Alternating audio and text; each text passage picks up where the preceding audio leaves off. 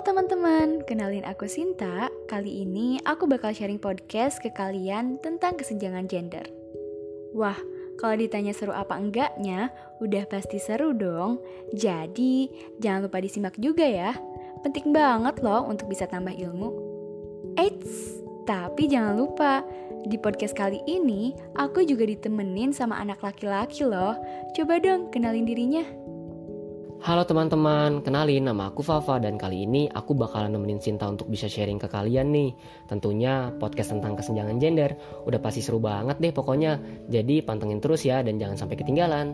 Wah, kayaknya Fafa semangat banget nih kalau diajak sharing. Harus semangat dong, kalau kita berdua aja semangat, teman-teman semua juga harus semangat ya. Yuk Sinta, langsung kita mulai aja. Dari siapa dulu nih? Dari aku dulu aja kali ya. Wah, tentu boleh dong. Di dunia ini, manusia diciptakan menjadi dua bagian yang saling melengkapi. Diciptakan untuk menutupi yang kurang dan mempertahankan yang lebih. Laki-laki dan perempuan. Keduanya sama-sama manusia, sama-sama makan nasi, merasakan emosi, dan memiliki sikap egois. Keduanya sama, hanya saja jenis yang membedakan. Perbedaan itu sering kali kita dengar dengan istilah kesenjangan gender. Jadi apa sih kesenjangan gender itu? Mungkin buat kalian yang belum tahu bisa dijelasin nih sama rekan saya, Sinta. Oke, jadi kesenjangan gender itu adalah sebuah pandangan mengenai ketidaksetaraan antara laki-laki dan perempuan, baik itu dalam segi pendidikan, ekonomi, politik, dan lain sebagainya. Mungkin kita jelasin satu-satu aja kali ya. Kalau dari segi pendidikan itu kayak kalian pernah nggak sih dengar orang bilang perempuan ngapain sekolah tinggi-tinggi kalau ujung-ujungnya bakalan di dapur juga? Nah, stigma seperti itulah yang sudah tertanam pada hampir setiap orang di sekitar kita. Padahal kan sejatinya siapa pun berhak untuk menuntut ilmu setinggi langit. Lalu di dunia kerja juga ada loh kesenjangan gender. Contohnya kayak laki-laki itu selalu memiliki kesempatan yang lebih besar untuk mendapatkan sebuah pekerjaan ketimbang perempuan. Alasannya sih karena laki-laki itu lebih mumpuni dan memiliki power lebih dalam dunia kerja. Padahal perempuan pun memiliki kualitas diri yang baik dan dapat diandalkan. Perempuan juga memiliki kapabilitas untuk meningkatkan perkembangan dirinya.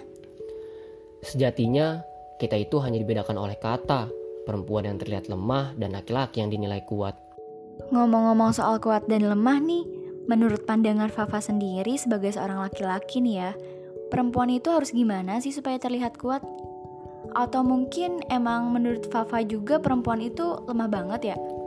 Menurut pandangan Fafa sendiri sih, perempuan yang terlihat kuat itu adalah perempuan yang tentunya hebat, yang pasti bertindak dengan tepat.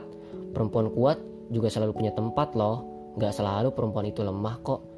Itu hanya stigma buruk di sekitar aja, tapi yang pasti dunia itu membutuhkan perempuan yang kuat. Menurutku, perempuan yang akan mengangkat dan membangun orang lain juga perempuan yang hidup dengan berani, lembut dan ganas itu adalah perempuan kuat.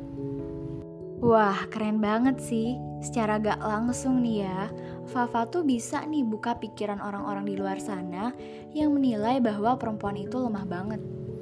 Tapi tak secara gak sadar, perempuan kerap kali merendahkan kemampuan dirinya sendiri, padahal dia mampu loh untuk menghadapi hal yang ada di depan dia. Itu dia, karena kesuksesan sering kali berkolerasi negatif terhadap perempuan. Dan berkolerasi positif terhadap laki-laki kan? Selalu saja ada kecenderungan yang mengakibatkan perempuan tidak mau menonjolkan sesuatu yang memang spesial. Karena perempuan tuh takut dianggap bosi. Betul banget, sampai akhirnya perempuan menarik diri, tidak mau menuju kesuksesan karena ada pandangan stereotip. Menurut kita, ini adalah tantangan bersama yang harus kita hadapi. Mumpung masih muda, jangan ragu untuk tunjukkan mimpi.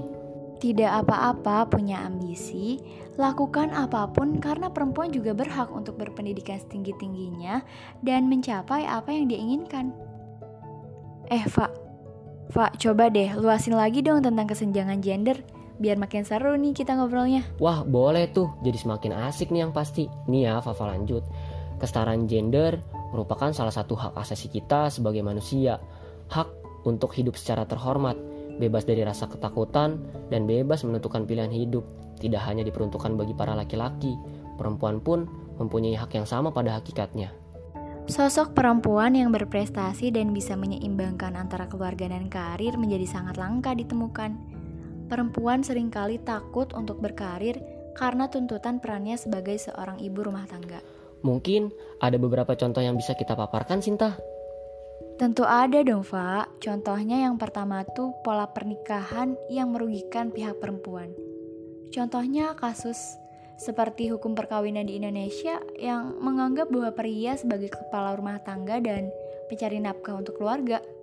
Sedangkan tugas-tugas rumah tangga termasuk membesarkan anak itu pada umumnya dilakukan oleh perempuan. Mungkin ada beberapa yang bisa aku tambahin juga nih, contohnya seperti hak kepemilikan. Kesetaraan gender tidak harus dipandang sebagai hak dan kewajiban yang sama persis tanpa pertimbangan selanjutnya. Malu rasanya apabila perempuan berteriak mengenai isu kesetaraan gender apabila kita artikan segala sesuatunya harus mutlak sama dengan laki-laki. Karena pada dasarnya perempuan tentunya tidak akan siap jika harus menanggung beban berat yang biasanya ditanggung oleh laki-laki atau sebaliknya. Laki-laki pun tidak akan bisa menyelesaikan semua tugas rutin rumah tangga yang biasanya dikerjakan oleh perempuan. Wah, ternyata berbicara soal kesenjangan gender itu masih banyak banget ya di Indonesia. Bisa kita lihat contoh kasusnya aja tuh bermacam-macam banget gitu loh. Iya, betul banget Sinta. Seru banget kan? Nah, itu dia teman-teman. Yang barusan kalian dengar itu adalah sebuah informasi yang aku sampaikan bersama Sinta tentang kesenjangan gender loh. Kesimpulan yang bisa didapat dari obrolan kali ini adalah nyatanya menjadi wanita yang memiliki kualitas lebih bukan berarti tidak memiliki adab sehingga menjadi saling menginjak ataupun menjadi wanita yang diam bukan berarti dia sedang menjadi beradab hanya karena tidak bisa menyuarakan dirinya. Wanita berhak berpendidikan, wanita juga berhak mempunyai ekonomi yang baik. Mungkin itu saja yang bisa Fafa sampaikan. Semoga apa yang Fafa sampaikan bisa menjadi manfaat buat kalian semua. Nah, mungkin dari Sinta ada yang mau ditambahkan? Boleh dong. Terakhir, yang aku mau sampaikan yaitu lima cara mengatasi kesenjangan gender. Yang pertama yaitu mengakhiri diskriminasi terhadap semua wanita dan anak perempuan. Yang kedua, yaitu menghilangkan segala bentuk kekerasan terhadap perempuan dan anak, baik di ranah publik maupun pribadi. Hal ini tuh termasuk perdagangan manusia dan eksploitasi seksual pada perempuan dan anak. Lalu yang ketiga meningkatkan pelayanan umum dan kebijakan publik yang lebih pro terhadap perempuan. E, terus yang keempat tuh meningkatkan penggunaan teknologi yang memungkinkan khususnya teknologi informasi dan komunikasi untuk mempromosikan pemberdayaan perempuan. Dan yang terakhir yaitu memastikan partisipasi penuh dan efektif perempuan dan kesempatan yang sama untuk kepemimpinan di semua tingkat pengambilan keputusan, baik itu dalam kehidupan politik, ekonomi, ataupun publik. Oke, segitu aja dari kita. Mungkin di lain kesempatan kita bisa ngobrol-ngobrol santai nih mengenai kesenjangan gender yang gak ada habisnya dan selalu menarik untuk dibicarakan.